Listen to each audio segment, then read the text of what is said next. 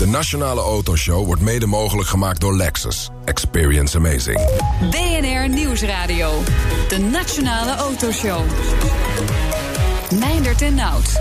Hij leidt een bedrijf met ruim 30 hotels in Nederland. Maar over een paar weken gaat Mike Willems zandhappen tijdens de Dakar Rally. Lekker, hè? Ja, heerlijk. Ja, heerlijk. Zandhappen. En in de Road to Zandvoort racelegende Gijs van Lennep. Hij reed de grote prijs van Nederland, zo heette het toen. Hè. Drie keer in de jaren zeventig. En uh, we gaan straks met hem praten. Ja, was ook wel eens zandhappen daar in Zandvoort. Zeker. En nou, uh, belangrijk, we hebben het mobiliteitsplan van de Dutch Grand Prix in handen. Ja, het is ja. uh, vrijgegeven door de gemeente zelf. Want ja. Het moet ter inzage naar de bewoners. Dus bewoners hebben nu vier weken om naar dat plan te gaan kijken. Jij bent ingeschreven als bewoner? nee, het staat ergens verborgen op de website. Maar je kunt het wel, dus uh, iedereen kan het dus wel publiek opvragen. Uh, ja, nee. Uh, belangrijkste punten. Ja, Neem ze eens even het belangrijkste door. punt is toch dat ze wilden spreiden. Ze willen zoveel mogelijk mensen, fans naar het circuit halen. Maar op andere manieren. groot punt is de trein. zoveel mogelijk mensen moeten met de trein komen. 50.000 mensen per dag. In totaal verwachten ze 104.000 mensen per dag. Nou ja, uh, dat is nogal wat. Uh, ze gaan 12 treinen per uur laten rijden. Iedere uh, trein heeft, daar kunnen duizend fans in. Ja. Dus 12.000 per trein per uur. Dat willen ze gaan behalen. Nou, gaan zien of dat gaat lukken. Ook nog per fiets. Ik vertel er straks wat meer over. Ja, in de Road to Zandvoort. Dat straks dus. Maar we beginnen met de ontwikkelingen op de automarkt. Het einde van het jaar nadert. Maar voor veel automerken wordt het bikkelen tijdens de feestdagen om nog alle nieuwe auto's voor 1 januari af te kunnen leveren. We praten erover met Tom Huiskens van de BOVAG, die alle cijfers natuurlijk nauwgezet bijhoudt. Welkom, uh, Tom. Dankjewel. Fijn dat je er bent.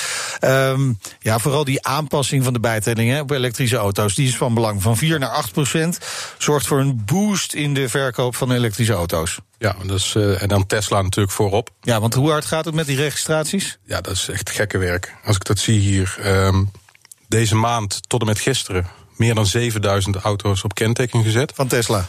7000 Tesla's te naam Allemaal gesteld. Model 3's natuurlijk. Ja, en we, uh, we zagen dat er vanochtend uh, een nieuw schip was aangekomen met 3700 ja. stuks erin. En we zien ook dat er nog vijf, ruim 5000 kentekens openstaan. Dus die zijn aangevraagd, maar nog niet te naam gesteld. Waarbij je uh, natuurlijk mag aannemen dat, dat ze daar ook nog alles aan doen om die voor 1 januari nog te naam te stellen. En dan komen ze dus op 11, 12.000 alleen al deze maand. Er wordt zo hard gewerkt aan die Tesla Model 3 dat, dat ze net genoeg die batterij hebben opgeladen om hem van de boot af te rijden naar de parkeerplaats. En ja. verder moet je het ongeveer zelf uitzoeken. En je ja. moet naar de dichtstbijzijnde supercharger ja, gelijk opladen. Gelijk dat opladen dat ding, ja. Maar hoeveel komen er dan naar Nederland in totaal van Tesla? Nou, uh, als we nu eventjes kijken naar uh, wat er nog in het vat zit. Ja. Uh, dan gaan ze op ongeveer uh, 30.000 in totaal voor 2019 uitkomen. En dat betekent dat ze naar alle waarschijnlijkheid na Volkswagen en Opel het uh, best verkochte of meest geregistreerde merk in Nederland gaan worden over 2019. Puur en alleen met die Model 3 natuurlijk. Ja, want de Model S en de Model X, uh, daar worden er een paar honderd nog van ja. geregistreerd dit jaar. In totaal, uh, in dat segment van die dure EV's, zie je dat ze nu worden ingehaald door Audi met de e-tron. Ja. Uh, daarvan verwachten we er ook 2, 2.500. Ja voor 2019. Dus je ziet wel dat als er dus serieuze concurrentie komt van een traditionele fabrikant met leveringszekerheid, met voldoende actieradius, met bouwkwaliteit en met een uh, servicenetwerk, dan zie je dat, dat ja. mensen daar dan weer voor gaan kiezen. Ja, maar dat wordt wel interessant natuurlijk, hè, want uh, het verhaal gaat ook wel dat die traditionele bouwers eigenlijk, hè, die natuurlijk ook uh, motoren met verbrandingsmotor, auto's met verbrandingsmotor hebben, die eigenlijk hun elektrische auto's nog even tegen, tegenhouden tot volgend jaar. Want dan gaan ze pas voor die Europese richtlijnen meetellen ja. natuurlijk. Ja, ja dat, is, dat, is natuurlijk, dat is natuurlijk een tactisch en een politiek spelletje. Want ze willen geen boetes hebben. Nee, ze, ze, ze zullen ook uh, voor 2019 nog heel veel van die verkeerde auto's kwijt moeten raken. Dus ja. je ziet ook dat die nou in, in Zijn jaar... hè? verkeerd. nou ja, goed. Je zei tussen haakjes. Ik, ik hoorde, ben een, ik ben een, Ik ben een petrolhead, dat weten ja. jullie. Um, maar maar ze gaan er alles aan doen inderdaad om de goede auto's mee te laten tellen voor 2020. Ja. En alles wat daar niet in past moet in 2019 nog geloosd worden. En daar hebben de, uh, de dealers, die ook bij ons zijn aangesloten, die hebben daar gewoon gigantisch last van. Want die, die, die, die worden volgestouwd met auto's. Die ze niet uh, kwijt kunnen. Die ze, uh, ja, of met hele hoge kortingen. Dus, dus, dat dus die zijn eigenlijk een voorraad aan het stapelen ja. nu. Ja, ja en, die, en die, die moeten ook geregistreerd worden. En dan uh, zul je zien dat die in 2020. Met uh, als twee, kortingen. Als, als, formeel als tweedehands verkocht ja, moeten gaan worden. Ja, met fikse kortingen ja. dus. Ja. Nou, is een interessant moment uh, begin 2020 om te kijken naar een auto met een verbrandingsmotor. Mocht je die willen hebben. Maar nu dus vooral elektrisch dat de klok slaat. Hoeveel elektrische auto's komen we dit jaar uit? nou, we gaan, als ik het zo zie, dan gaan we ruim over de 50.000. We zaten op 39.000 nog wat uh, in, uh, tot en met uh, november. Ja. nou, daar gaan alleen al 11, 12.000 Tesla's bij komen. Dan nog die e-trons. dan nog een, een plukje Kona's, Niro's, ja. Pera's, Leafs. Uh, dus we gaan ruim boven de 50.000 uitkomen. In totaal zullen het er 430, 440.000 gaan worden. Nieuwe in, auto's. Nieuwe auto's in Nederland uh, voor dit jaar. Um, maar dat betekent bijvoorbeeld ook dat we per 31 december meer vol elektrische auto's in Nederland ja. gaan hebben dan de plug-ins. Kijk aan. Ja, oh, dat, dat, waren er, dat waren er 96.000 per 1 december. Oh. Ja, dat is het totale wagenpark. Ja. 96.000 uh, plug-ins stonden er geregistreerd in, uh, in Nederland per 1 december. Dat aantal dat, dat brokkelt langzaamaan af. Ja. Ja, er komen niet meer van die grote ja. aantallen nieuwe bij. En uh, uh, 84.500 vol elektrische op 1 december. Nou, het ziet er nou uit. Dat, dat we gaan gewoon over die 100.000 heen dus. Dat zou best... Dat nou, zou maar, dat, maar dat betekent dat je binnen een jaar een verdubbeling hebt. Ja. Ja. ja, klopt. En, en, en uh, natuurlijk zullen alle evangelisten zeggen... dat is een enorm succes, de grote doorbraak van de elektrische auto. Maar geeft dit niet ontzettend vertekend beeld ja. door die bijtelling? Ja, ja nou, het, het, het, is nog ook even koffiedik kijken... Uh, wie nou allemaal die auto's gaan ophalen hè, de, nu in december. Want ik denk dat er in, uh, in 2020, in de eerste maanden... nog voldoende advertenties zullen zijn voor 4% bijtelling. Ja. door leasemaatschappijen of die al partijen. die auto's hebben uh, gekocht, geregistreerd ja. hebben. Ja, ja. dus het, zijn, het, het zullen heus niet allemaal uh, individuele rijders zijn die nu die auto's gaan ophalen. Ja. Uh, er wordt een voorraadje ook aangelegd. het wordt allemaal op kenteken gezet nu, zodat je nog vijf jaar lang van die gunstigere regels gebruik kan maken. Maar ik zit ook even te denken, we gaan opeens over de 100.000 heen. Kan ons land dat aan? Hè? laadpalen, laadpalen ja. Er komen niet 50.000 laadpalen bij. We zijn, nee, maar dit zijn natuurlijk, dit is natuurlijk wat type mensen dit, met, met een eigen zaak of, met een, uh, okay. of in, in, in loondienst met een leaseauto. Die kunnen natuurlijk wel uh, gewoon op de zaak opladen. Uh, laten we wel wezen, de Tesla's en de e-trons en de, de, de meeste nieuwe modellen, de Kona en de Niro, die hebben wel een actieradius van 400 kilometer. Dus die mensen kunnen rustig op de eigen zaak opladen. Ja. Uh, die mensen hebben thuis misschien al een laadpunt, omdat het een, nu een vervangen, okay. een tweede auto ja. is. Maar je, je verwacht dus wat dat betreft nog geen problemen? Nee, kijk, ik ben geen energie-expert. Ik ben niet van de, van de Eneco of van de Vattenfall. Uh, maar, maar, je legt je oort wat uh, luisteren. Ja, dat klopt. Alleen ik, wat, ik, wat ik wel wil opmerken is dat er heel veel discussie is over laadpalen, laadpalen, laadpalen. Nou, het lijkt mij onwaarschijnlijk dat hier heel Amsterdam, dat op elke stoeptegel een laadpaal moet komen te staan. Nee, als je drie hoog achter moeten delen. Uh, nou ja, we hebben, we, hebben natuurlijk een, we hebben natuurlijk een fijnmazig netwerk waar we al tientallen jaren met z'n allen van gebruik maken om te kunnen autorijden. Dat zijn tankstations. Uh, en op die tankstations kunnen op termijn. Uh, uh, ook, uh, kan ook ruimte gecreëerd worden ja. voor laadpalen. En als de techniek straks zo ver gevorderd is dat je binnen een paar minuten die auto kan opladen, ja, dan maar moet dat, dat Fastnet wil dat niet, hè? Dat moet allemaal met vergunningen en ja. Ja, maar Fastnet is dat, dat gaat om dat gaat om de tankstations langs de snelweg. Okay. Dat is maar een fractie van het totale. Okay. Even, even kijken naar wat elektrische uh, rijden dan volgend jaar gaat doen. Want daarna moeten we echt even over een paar andere dingen ja. hebben. He, want we gaan naar 8%. Nou, je zegt het gaat nog wel even door. Veel leasemaatschappijen maatschappijen zullen een voorraadje hebben opgebouwd. Maar op een gegeven moment ja, ga je toch gewoon 8% bijtelling betalen. Ja. Gaat dan de verkoop van uh, elektrische auto's weer instorten? Of valt het nog wel nee, mee? Dat verwacht ik niet. Kijk, sowieso zal het, het aanbod van fabrikanten zal groter, groter worden. worden. Uh, uh, Gaat dan ook de prijs omlaag? nou ja, als je kijkt naar zo'n zo, zo, zo ID3 of nu bijvoorbeeld die MG ja. met een beperkte actieradius, dat wel. Maar dat zijn natuurlijk wel auto's die dan ineens in een segment vallen wat heel erg aantrekkelijk is. Kijk even wat er is gebeurd met de plug-in hybrides uh, jaren geleden. Dat was 7% bijtelling. Ja. Nou, de GTE's uh, waren niet aan te slepen. De Outlanders waren niet aan te slepen. En dan zat je toch op prijsniveau van 40, 45.000 euro. Uh, dat is wel de prijsrange die je nu ook ziet. Ja, en dan gaan we eh, volgend jaar van 8% bijtelling naar 12% bijtelling. Ja. Zullen we misschien weer een run. Dus 2020 zou misschien nog wel eens een goed jaar kunnen zijn voor de EV. Nou ja, wij denken in, wij denken in totaal dat er weer zo'n 430.000 auto's verkocht zullen gaan worden. Ehm, daarvan 10% EV.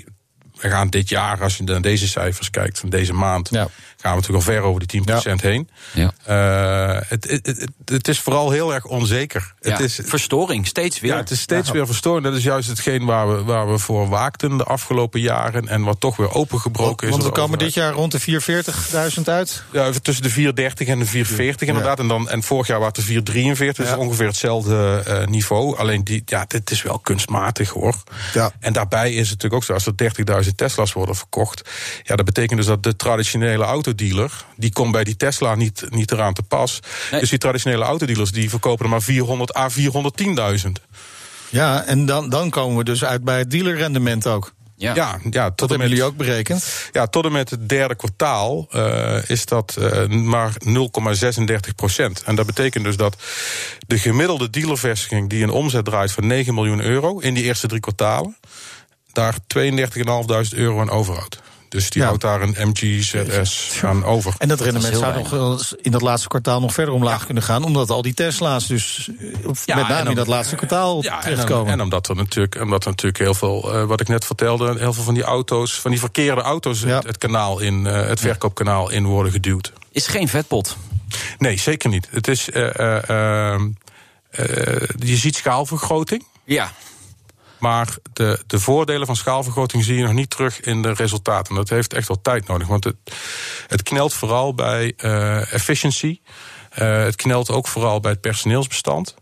Uh, je ziet hm. dat, dat heel veel dealers hoogstwaarschijnlijk hebben geacteerd voor wat betreft hun personeelsbestand op te optimistische verwachtingen van de importeurs. Want als je de doelstellingen van de importeurs allemaal bij elkaar gaat optellen, nou dan is de sky the limit, want dan verkopen we wel 500.000 nieuwe auto's in Nederland. Dat is niet zo. Um, uh, dus ja, de, de, de dealers die hebben het heel lastig. De, de druk komt van alle kanten. Uh, van buiten met uh, de nieuwe toetreders zoals Tesla. de, de druk komt van, vanuit hun eigen fabrikant. Want die auto's die moeten geloosd worden. Ja. Wat is dan de oplossing volgens jullie? Nou, we zijn, we zijn onlangs gestart met een, met een pilot. Samen met ons opleidingsinstituut. Twintig autodealers doen daaraan, doen daaraan mee. En de eerste resultaten daarvan die zijn wel heel erg bemoedigend. Want het zit vaak in hele kleine dingen. En vooral in die werkplaats. Uh, gewoon efficiency, goed samenwerken, uh, niet elkaar voor de voeten lopen. Dat zijn hele kleine, simpele dingen, maar daar ligt het wel vaak aan.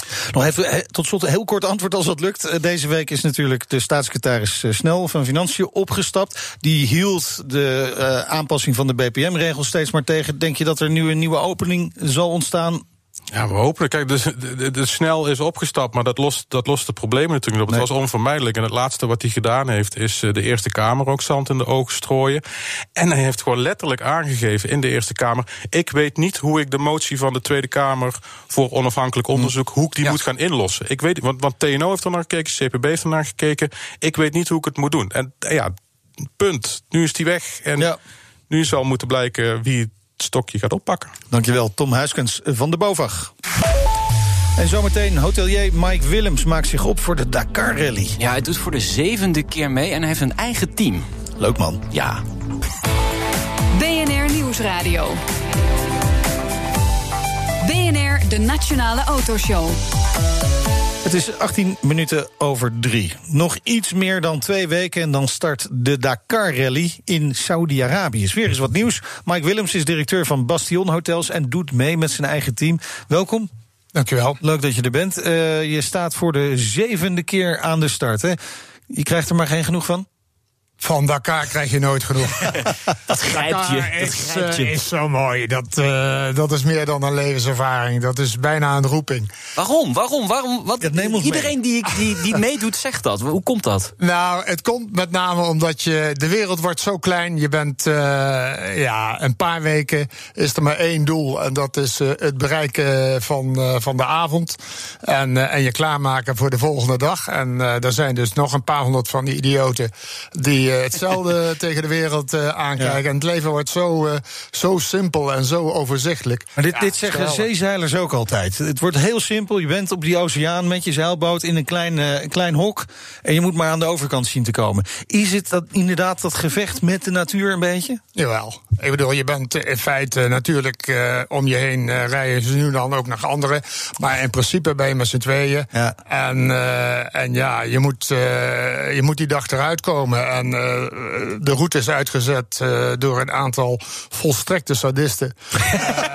die maar één doel hebben. En, Jou kapot maken. Zorgen dat, ja. dat jij daar niet in slaagt. En zo ga je er ook tegenaan kijken. Dus je wordt zo verbeten en zo, ja, geweldig. Ja, want het is eigenlijk gewoon best wel zwaar om aan, om aan mee te doen. Het is de zwaarste rally ter wereld. Ja, het is, uh, het is pittig. Maar toch is het leuk. Of zit je, zit je echt met een glimlach in de auto? Om dat voorbeeld aan te halen. Ik ben ook een fanatiek zeezeiler. En dat is precies uh, hetzelfde. Het, het vecht uh, toch een beetje met de elementen. En, uh, en zorgen door dat dingen die feitelijk ja, bijna onmogelijk zijn dat je daar toch in slaagt. Dat is, dat is een geweldig gevoel. Als je dan s'avonds uh, terugkijkt naar die dag, ja, wat is er mooier dan dat? Ja, zo'n prestatie neerzetten natuurlijk. Hoe ben je in aanraking gekomen met, met ja, de, de, de rallysport in eerste instantie, kan ik me voorstellen? Want je stapt niet direct uh, in Dakar, nou, toch? er zat een paar maanden tussen. Even ik, oefenen, uh, de nee. Ik, ik, nou, het was een samenloop van op twee omstandigheden. Wij, uh, wij waren met de zaak bezig om te kijken... hoe kunnen we een leuk fenomeen creëren. En ik zat elk jaar, zat ik zo in januari... nou, bijna kwijlend naar de tv te kijken uh, hoe fantastisch uh, dat was. En ik zat weer zo'n avond en uh, toen zei mijn vrouw veilig tegen me: Goh, wat ben je een hufter, joh. Doe het dan gewoon als je dat zo leuk vindt. En ik heb er nog ineens zo lang over nagedacht. Dus ik ben toen mijn zoektocht in, in Rallyland begonnen. Want ik ken die hele wereld nee. niet. Ik had nog nooit in zo'n ding gezeten. En nou ja, van het een kwam het ander. Een half jaar later, of een jaar later, in 2014 was dat. Toen reed ik mijn eerste Dakar. En je hebt er duidelijk geen spijt van. Je, je vrouw ook niet? uh, nou ja, het is, ze kijkt er wel eens, uh, ze zegt altijd, nou, zo ongeveer het stomste opmerking die ik ooit, ooit gemaakt heb. Dus als dat het stomste is, dan valt het nog dan mee. valt het reuze mee, ja. Dus wat dat betreft, nee. ja. ja. Maar je runt gewoon 30 hotels in je dagelijks leven. Hè? Je, je bent er eigenlijk 24 uur per dag mee bezig, 7 dagen in de week. En dan ga je gewoon even twee weekjes weg. Kan, kan dat zomaar? Ja hoor, ja? dat kan zomaar. Geen probleem. Fe nou, doet je veilig. Ik denk, potverdorie, misschien kan het wel langer, maar dat doe ik dan niet. Maar uh, jawel, want het draait natuurlijk prima verder. En uh, wat ik altijd tegen de anderen zeg en ook mezelf voorhoud. Ik weet niet of het waar is, maar het is een goed verhaal. Uh, je komt natuurlijk helemaal herboren terug. Ja, dus wat dat ja, ja. betreft, ze hebben weer. ze hebben weer Vol nieuwe energie. Weken, ze hebben weer nieuwe ideeën. Ja, ja, precies. Wat Maar, je? maar je zei, je zocht iets, iets leuks eigenlijk voor die hotelketen ook. Ja. Wa- Waarom past die, die rallysport in die zandbak bij een hotelketen als Bastion? Nou, we hebben heel veel uh, zakelijke gasten. En met name dus uh, gasten die zeg maar uh, overdag projecten uitvoeren. En uh, meestal dus van, uh, van huis. En, en s'avonds bij ons slapen. Meestal wat langer. Ja. En ja, dat is toch een type gast wat ook van autosport houdt. En, uh, en daar warm voor loopt. Het vreselijk ja. mooi vindt. Uh, kunnen genieten van, uh, van het geweldige geluid van de auto. Kunnen genieten van de, de belachelijke en beestachtige dingen die, ja. die we doen. Ja, ik denk ook dat, dat dat onze luisteraars zijn op dit moment. Die En- hebben en dat zelf gevoel. En wij ook Wij natuurlijk, ook, ja. ja. Nou ja, jullie luisteraars moeten natuurlijk ook heel veel in onze hotels gaan slapen. Dat is wat Nou, die boodschap komt wel over. Ja. Ja, maar le- leven, ze, leven ze ook mee in dat hotel? Zijn, zijn jou, is jouw personeel daar ook mee bezig? Ja, Of, nou niet alleen met mensen. Het is uh, ook zo dat uh, wij houden uh, zo een beetje het eind van het jaar, begint half oktober tot eind november, ook, ook heel veel Dakar-avonden in onze hotels. Uh, waar we dan uh, de auto uh, laten zien, waar we filmpjes laten zien, waar we een, een quiz doen en nou ja, allerlei leuke zaken. Het past in een programma dat wij uh, veel voor onze gasten regelmatig uh, extra dingen doen. Omdat, uh, ja, als je natuurlijk de hele week van huis bent, vind je het ook wel eens aardig als er iets bijzonders gebeurt. Ja. En we houden bijvoorbeeld ook dagen voor onze, onze klanten. En natuurlijk de pre-proloog. Daar staan we ook met een hele stand. En ja, er komen honderden gasten en, en, en klanten om, ja. Om mee te genieten. En zorgt zo'n Dakar Rally, ja, je bent nu hier je verhaal aan het vertellen, maar zorgt dat ook voor uh, exposure buiten Nederland voor jullie? Nou, ik denk het wel, want in feite is uh, niet dat we daar heel veel aan hebben. Nee. Uh, want we zijn toch met name op de Nederlandse markt uh, gericht. Maar als je kijkt hoe, hoe Dakar leeft in Frankrijk en in Spanje, dat is nog vele klappen meer dan, ja. dan in Nederland. Dus wat dat betreft, feitelijk is Dakar, ik geloof na de Formule 1, de meest bekeken autosportevenement ter wereld. Ik geloof dat er een half miljard mensen die, die rally volgen. Ja, en die zien dan toch die knaloranje auto van jou. Ja, goed hè? Ja. Mooi, ja, ja, ja, ja, ja. En hij valt lekker op. Beetje chauvinisme is jou niet vreemd. Uh. Nee, we zijn een Nederlandse hotelketen en ik vind oranje een hele mooie kleur. Dus uh, wat dat betreft. En hij valt natuurlijk geweldig op. Ja. Je ziet hem van kilometers ver uh, aankomen. Ja, misschien moet je dan meteen even vertellen wat voor auto het is. Ja, het is een. Uh, je hebt uh, feitelijk twee grootmachten. Vroeger drie, maar tegenwoordig twee grootmachten ja. in, uh, in de Dakar, in de rallywereld. zeg maar de off-road rallywereld. dat is Toyota en dat is Mini, Mini BMW. Ja. Mm -hmm. En nou, Toyota die, die, heeft een, die bouwt een geweldige auto. En dat is de Hilux. Ja. Speciaal voor deze rally. Een buizenframe, V8-motor, reiger, schokdrempels natuurlijk eronder. Enfin, een, een auto die echt helemaal gemaakt is voor, uh, voor deze rally.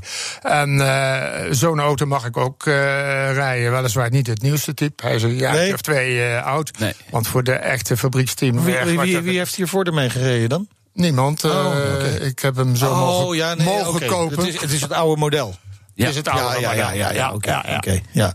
Maar toch een dikke motor erin, V8. Ja. Hoeveel pk? Uh, ik dacht een, een 400 pk. Hij is uh, afgeknepen. Hè. Hij heeft continu ademnood. Dan zetten ze een restrictor erop. uh, zodat dat ding niet echt veel vermogen gaat leveren. Het is zo'n hond met zo'n zo'n tong uit de bek. ja, zoiets is het. want anders wordt het allemaal levensgevaarlijk. Als je echt ja, nog twee keer zoveel vermogen erin, erin gaat stoppen... wat theoretisch zou kunnen, ja, en bovendien is natuurlijk uh, bedrijfszekerheid ook heel belangrijk. Ja, dat kan ik me voorstellen. Misschien daar ik even over verder praten over wat voor coureur Mike ja, is. Ja, precies, zeker. Maar ik wil ook even weten, want ik, ik, ik zat net even de foto's op te zoeken van, van, de, van de wagen. En ik zie ook een vrachtwagen rondrijden. Is, is dat voor ondersteuning? Of is ja, dat, uh... we, hebben feitelijk, uh, we hebben een klein team en uh, we hebben feitelijk een, een, vrachtwagen. En daar zitten de onderdelen en het bivakmateriaal ja. zeg maar in. En die rijdt over de weg van bivak naar bivak en is weer paraat als wij daar komen. en daarnaast hebben we nog een, zeg maar, een gewone straat Hilux die voor zeg maar, dagelijks transport zorgt en voor de noodgevallen hm. als ik ergens blijf hangen. Dat je nog een onderdeeltje kunt overplaatsen. Dat ze nog een beetje me kunnen bereiken. ja. Goed, we praten zo verder over het Dakar-avontuur van Mike Willems. Ja, even kijken of hij ook uh, een techneut is. Ik ben benieuwd of hij een, een, bandje kan verwisselen of zo. Ja, nou, en, en, wat zijn ambities zijn. Ja, hè? natuurlijk. Gaan we ook over hebben. En de ja, pijlstok. oefenen en de pijlstok. BNR Nieuwsradio. De Nationale Autoshow. Meindert en Nout. Zometeen een vers ge The Road to Zandvoort podcast met uh, Gijs van Lennep, een racelegende uitgeroepen tot beste Nederlands coureur van de vorige eeuw. Ja. ja, deze week, deze eeuw hoeft hij niet meer aan te komen natuurlijk. Ja, ik gok, maar ik weet niet zeker. Dat kan Max Verstappen worden, maar dat, dat weet ik niet 100% zeker. We hebben nog wat jaren te gaan. Ja, ja maar uh, Gijs van Lennep was in de jaren 70 natuurlijk actief in de Formule 1. Hij was de vijfde Nederlandse coureur in de Formule 1 om precies te zijn. Reed drie keer de, ja, reed drie keer de Grand Prix van Nederland in Zandvoort. En uh, hoe hij presteerde, dat, uh, daar blikken we daar dat, ook Dat hoor je zo meteen. Ook vooral die keer dat hij toch niet mee kon doen. Ja. En we horen natuurlijk meer over het mobiliteitsplan van de organisatie. Want jij hebt dat in handen, in ja. je handen nu letterlijk. Gewoon, uh, je gaat het nog even doorpluizen, maar straks komt alles daarover naar buiten. maar onze gast is nog altijd Mike Willems, directeur van de Bastion Hotels. En hij is ook rallyrijder. En met hem doen we natuurlijk ook de... De pijlstok. Jawel. Met welke auto ben je gekomen vandaag? Met een Porsche Cayenne. Oeh, oeh. niet mis. Welke Lekker. uitvoering? De hybride. Ja, oké. Okay. Keurig. Keurig, een beetje compenseren. Ja, ja, precies. Toch een beetje verantwoord. Als kijk thuis op een donder. Ja, ja, ja, ja, ja, ja, zo kennen we hem weer. Um, maar, maar, moet je niet al lang in die Hilux trainen? Of, of is die al richting... Uh... Nee, die vaart al. Dus die vaart al. Uh, als oh, ik daar nu ga zitten, zit ik ergens in op scheepsdek uh, te koekeloeren. Dus. Um, we hebben altijd de vraag van een droomauto. Maar je rijdt natuurlijk eigenlijk al in een droomauto, de Dakar. Maar wat als, als, je, als je echt geld is ongelimiteerd, wat zou je dan kopen? Poh. Ja, ik denk toch iets ouds. Uh, iets, uh, iets moois. En ik, uh, ik denk dan toch een. ja, bijvoorbeeld. Het is zo'n walgelijke auto. Dat is toch wel leuk. Zo'n Goldwing. Oeh, nice. Ik denk wel. Zo'n ja. verkeerde auto. Dat, ja, prima. Dat zou ik wel doen. Mooi. Mooie auto. Zeker. Um, Dakar. Je hebt het Bastion Hotels Dakar team opgezet. We, we, hadden het net al over die prachtige oranje, knaloranje auto. Ja. Waar ook Bastions Hotel. Wat staat er ook weer verderop als underline? Uh, waar heel Holland slaapt. Waar heel Holland slaapt, ja hoor. Die mocht even gemaakt worden. uh, hoe, hoe groot is je team? Nou, we hebben een heel klein team. Uh, vijf man. We zitten met z'n tweeën in de auto. Uh, we hebben twee monteurs. En uh, we hebben een chauffeur die, die de vrachtauto van hot naar haar brengt. Van bivak naar bivak. Dat is het. Dat is het. Daar doen we het mee. En verder, een, een, en in die auto zit, ja, zit nog anderhalve auto aan onderdelen ongeveer. Ja. ja.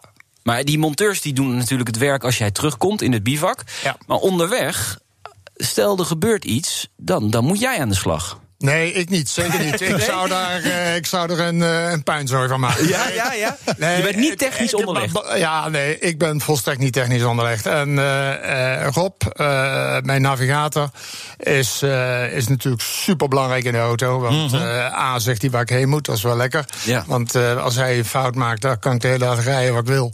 Maar dan, dat schiet niet op. Maar bovendien heeft hij gouden handen. Hij, ja hij hoort alles, hij ziet alles en uh, vooral hij kan alles maken. Ja. Dus uh, dat is ontzettend belangrijk. Je hoeft alleen nog maar te sturen. Gebeurt. Wat? Je hoeft alleen nog ja, maar te sturen. Ik heb een luizenbaan.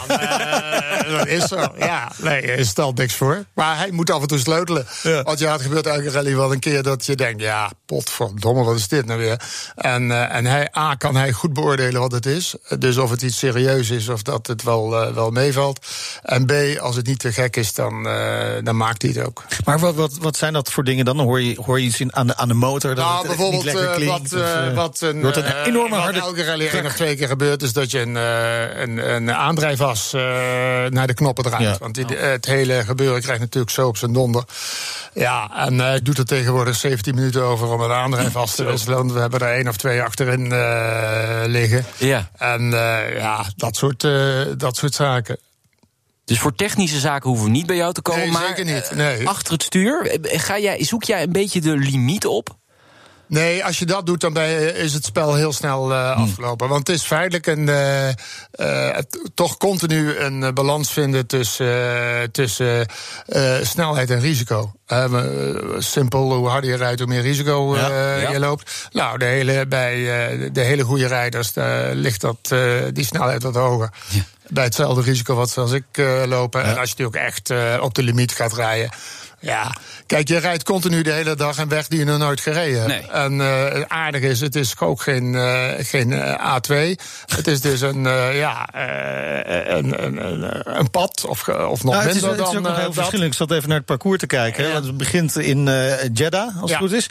en daar, daar, daar is nog redelijk snel terrein eigenlijk. Daar zit je nog in de berg een beetje WRC-achtig, als de mensen weten wat dat is. Ja. echt een rally-terrein. Daar, daar kun je best wel gas geven, denk ik. Maar je komt ook gewoon in, in, in duinig, enorme ja. uh, zandwoestijn. Ja, de eerste week, als ik het goed begrepen uh, heb, want ik, uh, ik lees ook maar. Je weet het waarschijnlijk nee, beter ik dan ik. Er, nou ja, de eerste week is, is bergachtig en rotsachtig ja. en, en zand.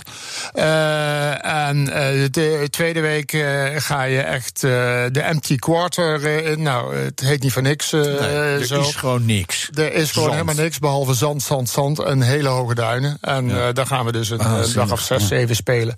En kijken wat er, uh, wat er gebeurt. Wat is je doelstelling?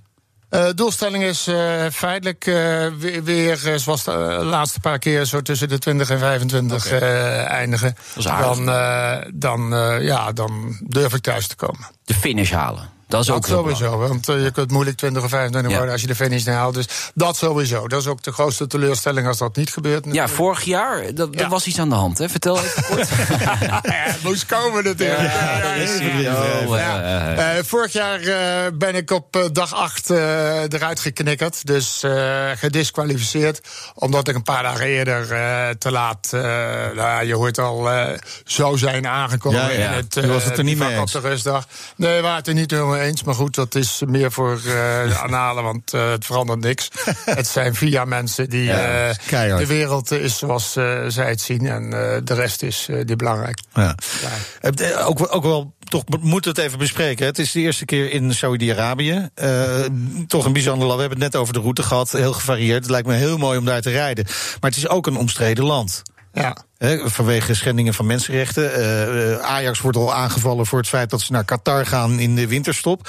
Ja, dit is Saudi-Arabië. Het is nog wel een stapje erger misschien. Ja, nou ja, kijk, het is, uh, het is zo, wij zoeken natuurlijk gebieden op waar uh, avontuur te beleven is. In die zin ja. waar uh, landschappen en, en omstandigheden zijn waar wat te beleven valt. Je kunt zoiets ook natuurlijk op de Veluwe houden, maar is het toch wat minder spannend en ja. wat overzichtelijker. Dus je komt per definitie in landen terecht, zoals in Zuid-Amerika of Noord-Afrika of China ja, of, okay. of Kazachstan of Mongolië. Maar goed, er is nog wel een verschil tussen... mensen iets anders tegen het leven aankijken dan dan wij. En ja. uh, kijk, ik denk als je sportbedrijf die internationaal georiënteerd is, dan loop je tegen dat soort problemen aan. En dan heb je ook vanzelf uh, de klassieke discussie ja. tussen politiek en sport en ja. mensenrechten. En, en waar sta jij dan? Uh, nou, ik wil rijden.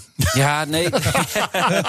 nee, kijk, privé heb ik daar best mijn eigen idee uh, ja. over. En vind ik het ook allemaal niet zo lekker wat daar uh, gebeurt.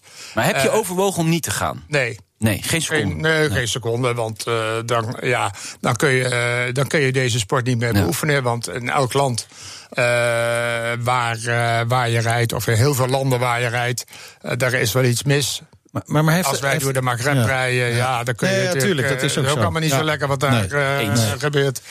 Ja. Maar, heeft de ASO uitgelegd waarom ze dit doen? Hè? Want je, je kan wel zeggen, in Zuid-Amerika is ook wel wat aan de hand natuurlijk. En zelfs in Nederland is wel wat aan de hand uh, her en der. Maar uh, Zuid-Amerika is toch nog wel iets anders dan Saudi-Arabië. Ja. ja nee, dat denk ik. Ik denk dat, uh, bij, kijk, bij de ASO spelen er twee overwegingen. A, Geld. Het moet, nou ja, nou, ja ik denk als voorwaarde, laat ik het dan anders zeggen, is het natuurlijk, ze moeten een goed gebied hebben waar je een, een, ook een, een lekkere, zware, filmgenieke uh, rally kan uh, rijden.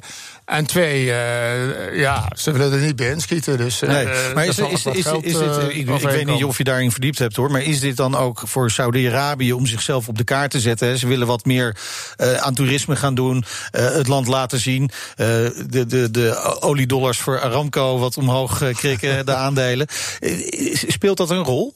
Ja, natuurlijk speelt dat ja. een rol. Okay. Ja, ik, uh, ze zullen het niet doen omdat ze allemaal zo rally-minded uh, zijn. Nee, nee. Ze doen het omdat het uh, voor hun past in een wat groter plan. Ja, vanzelf. Maar ja. die rally moet toch gewoon terugkeren naar Afrika. Vroeger hè, nog echt die oude beelden. Parijs starten. Nou, het is heel vaak geweest. Ja, ja, ja, ja ik hoor het echt. Ik ken al spreken. Nee, maar ik heb vroeger heel vaak gekeken. Hè. Dan reden ze Parijs uit en dan over die A nog wat. En dan uh, kwamen ze Spanje in, gingen ze de boot op. En dan ging het gebeuren, weet je. Eigenlijk, dat hoort, dus dat hoort te zijn. Parijs, dat zou heel mooi zijn, maar het moet ja. wel kunnen. Ja. En, uh, ik denk dat, uh, kijk, nu is een vergelijkbare rally wordt er gereden, uh, de Afro Eco Race, maar die komt niet door het oude Dakar-gebied, omdat nee, nee. je moet langs de kust blijven rijden. Want als je echt Mauritanië en dat soort landen wat dieper ingaat, waar zeg maar echt het mooie gebied is om te rijden.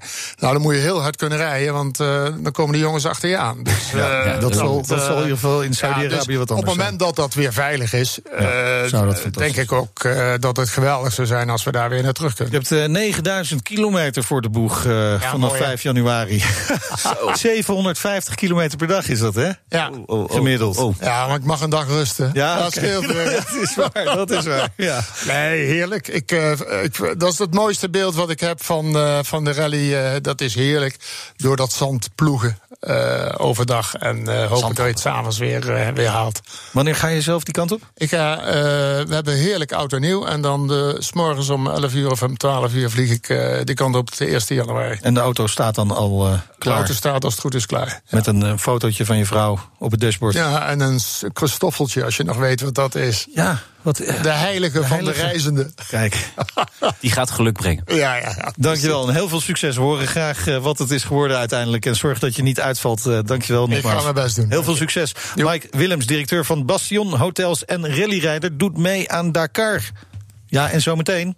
Zometeen de Road to Zandvoort met de racelegende Gijs van Lennep... over natuurlijk de Dutch Grand Prix, toen en nu. En Gijs is nog vlijmscherp. Niet normaal. Ongelooflijk. Blijf luisteren. BNR Nieuwsradio. BNR, de Nationale Autoshow.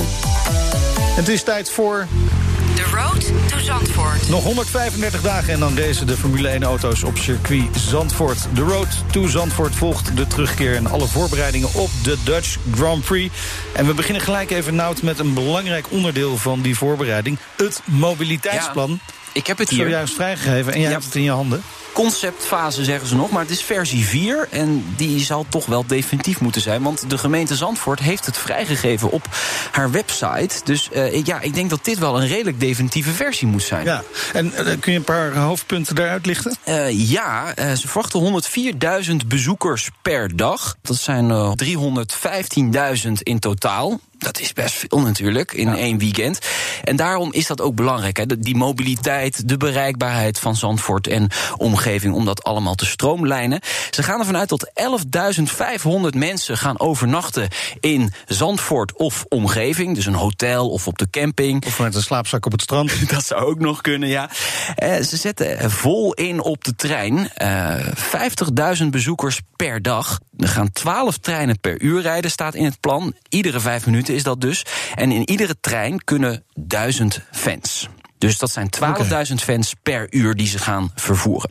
Verder zetten ze natuurlijk vol in op de, op de fiets. Dat wisten we eigenlijk al. Ja. Maar we wisten nog niet hoeveel fietsen we dan kunnen stallen rondom het circuit. Dat worden er 40.500 fietsenstallingen. Op acht plekken, zeven in Zandvoort en omstreken, één in Bloemendaal. Ja, moeten mensen alleen niet met zo'n bakfiets komen... of met zo'n zo'n zo'n bak voorop, hè? zo'n zo'n laadbak? Nou, Want dan heb past die er niet in. Ik heb het plan gelezen, zelfs daar hebben ze aan gedacht. Echt ze hebben waar? ook speciale fietsenstallingen gemaakt voor bakfietsen en dat soort hele zaken. gezinnen vanuit Amsterdam... op de elektrische bakfiets naar Ja. Zandvoort kunnen komen. Ze zijn niet voor één gat te vangen. Nee, heel goed, heel goed, heel Dan goed. hebben ze vijf park- en bikeplekken. Dat wil zeggen eh, rond de 15 kilometer buiten het circuit. Denk aan Uimuiden, Noordwijk, Hoofddorp. Daar kun je je auto neerzetten en dan met de fiets zelf verder gaan.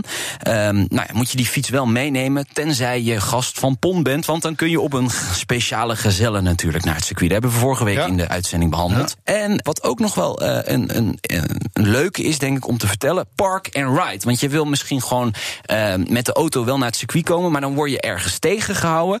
Eh daar Ja, zijn dan zet drie je hem plekken. gewoon op een veld neer ergens. Ja, Velzen. In Halfweg Ja. en een Hoofddorp. Daar komen park-and-ride plekken. Het zijn er dus in totaal drie. Daar is plek voor 11.000 auto's. Maar eh, met de auto naar Zandvoort, dat zit er niet in.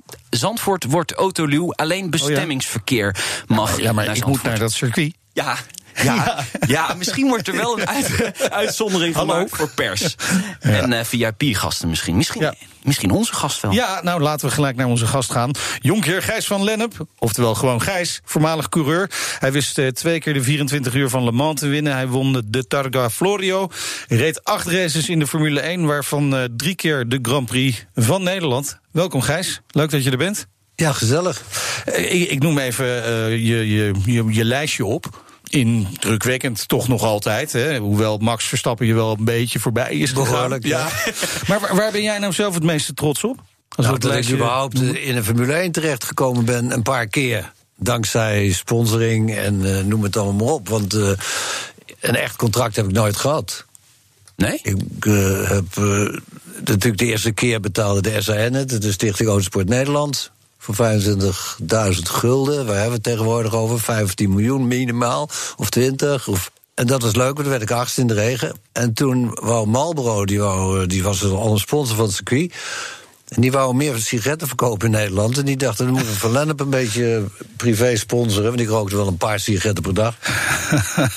en ik zal zorgen, want die was ook teamsponsor van Frank Williams. Oh ja. En toen hebben ze tegen Frank gezegd, dan moet je Gijs laten rijden. En dat moet minstens drie keer. In 73 was dat. Dus dat heb ik gedaan. Ja, toen werd je zesde hè, in de Grand Prix van Nederland. Ja, Ja. in 73, ja. Maar dat was meteen ook de grootste ellende de- vanwege het ongeluk met Roger Williamson. Ja. ja. Wat natuurlijk een drama was. Dus mijn zesde plaats viel totaal eh, in het niet. Maar daarom was het toch wel leuk om het te zijn geworden. Maar dat was ook. Dat, ik vertel het er wel eens meer natuurlijk. Maar dat dat ongeluk dat wij niet gestopt zijn. Er waren geen safety cars, er was alleen dubbel geel op, de, op dezelfde plek. Dus wij rijden daarna racen we weer min of meer door tot weer het geel was. En wij zagen alleen ro- zwarte rook en witte rook. Je wist niet en, wat er eh, aan de hand was eigenlijk. En dan zie je zo bij, de, bij die vlammen. Als je er langs rijdt, het is ook maar een- echt na anderhalve minuut een momentopname. En dan anderhalve minuut weer niks. En dan weer nog steeds rook, rook, rook. Alle soorten. En dan zie je zo'n mannetje eh, daar. Dus ik was, dacht echt dat hij eruit was. Oh ja. Oké.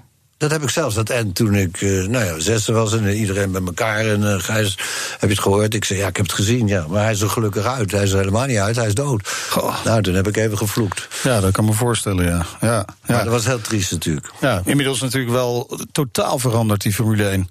Qua veiligheid. Ja, dat is eigenlijk na dat ongeluk. Want als je natuurlijk de, die vrachtwagen de andere kant op stuurt, dan heb je nog, had je nog een kansje gehad. Ja. De, brandweerwagen moet ik Ja, zeggen. ja, precies, ja. Maar dus sindsdien hebben wij niet twee keer vijf kilo belusmateriaal, maar we hebben nu twee keer 100, of meteen daarna al, Ja. Ja. twee keer 100.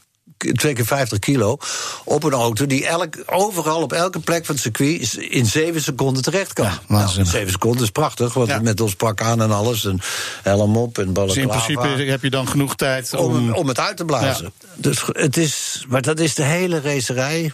Natuurlijk met name met de sportwagens ook, maar zeker de Formule 1. Van die tijd af ging het circuit werd veiliger. De auto's werden veiliger. Dan weer het circuit, dan weer de veiligheid. Nou, enzovoort, enzovoort. Dus trapje, trapje, trapje. En, eh, en zijn we gekomen waar we nu zijn. En kijk, eh, er gaat er af en toe eens heen. Er gebeuren best wel Ja. ongelukken, Ja, maar met die vorig, ongelukken eh, er gebeurt eigenlijk niks. Kijk, als 2. Max eh, rechtuit gaat in Monte Carlo, had hij ook al drie keer dood moeten Ja. zijn. Alleen was daar zo veel impact van die bandenstapels dat het allemaal net goed gaat. Maar ja, jongens, eh, er wordt wel eens gezegd: God, er is er eentje gegaan. Ik zeg ja, eh, ze- er vallen er nu vijf uit de bergen. eh, En er rijden zich op straat eh, zijn er ook 600 per jaar in Nederland. Laten we daar dan eens aan denken. Ja. En iets aan doen. Dat betekent niet dat je dan 100 moet gaan rijden, want dan ben ik natuurlijk tegen. Maar Nee, precies. Maar in- in vergelijking met vroeger is het natuurlijk heel anders. Maar jij zegt wel heel vaak van, ik vind het wel heel veilig geworden. Hè, de Formule 1 moet ook een beetje Oh, met dat name, uitst- ja. dat klopt. Met Ja. name de circuits van meneer Tielke, links en rechts, niet allemaal. Die circuits zijn te veilig geworden. We- we- we- Help ons even, welke zijn dat? Ja, nou ja, dat, ik kan niet al die circuits noemen, maar hij heeft er een heleboel gemaakt. Maar al die in het, in het Verre Oosten en zo, Ja, precies. Ja, China. en-. Kijk, dan heb je het circuit, dan heb je een witte lijn. Dan heb je de curbstone, waar je dus overheen kan, ondanks dat er ribbels op zitten. En daarna krijg je weer asfalt. Ja, precies. En dan rijden ze er ook nog vol overheen. Ja. Hoeveel, overal, ook, maar ook in Amerika. me- Ze rijden allemaal buiten de track limits. En de ene keer mag het wel en de andere keer mag het niet. En ik ben daar heel fel op. Dat is nou helemaal zo. Ik vind dat je, als je met vier wielen buiten de baan bent, dus over de witte lijn. Ja, ja. En dan hebben ze laatst hadden ze weer iets nieuws verzonnen. Dan mocht je de eerste curb, want dan konden ze een camera neerzetten, die stond er wat lager. Dan was dat de track limit. Ja. En dan mocht je daar dus overheen. Althans, dan moet je met het binnenwiel, een van de twee dat- binnenwielen, moet je die lijn blijven raken. Ik bedoel, als je out of bounds bent, je, je goalballetje ligt zo naast de, in de lijn van de witte palen.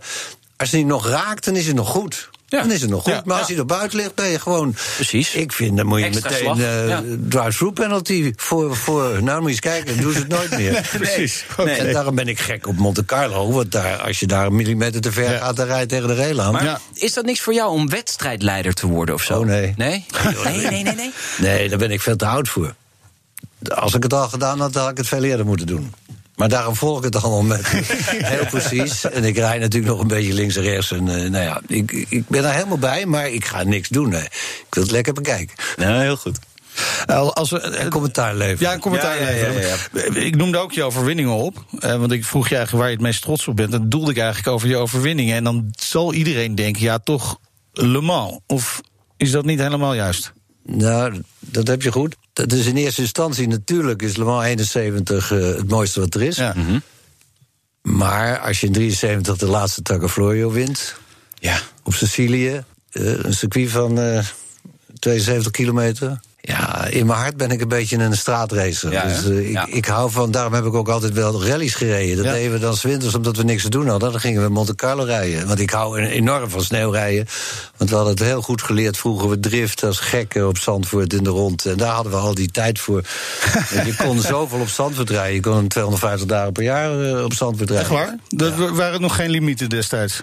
Nee hoor, je kwam gewoon en als er niks te doen was. En er was natuurlijk niet zoveel te doen, behalve dat er misschien zeven wedstrijden per jaar waren. Ik, ik noem maar eens wat. Je Ja. wilde minimaal 250 dagen dat je gewoon aan kon komen. En, van, eh, en er zat er zo'n man in een hok, hè, Willem Draaier heette die, met grote sigaar. De oude stroper uit eh, Zandvoort.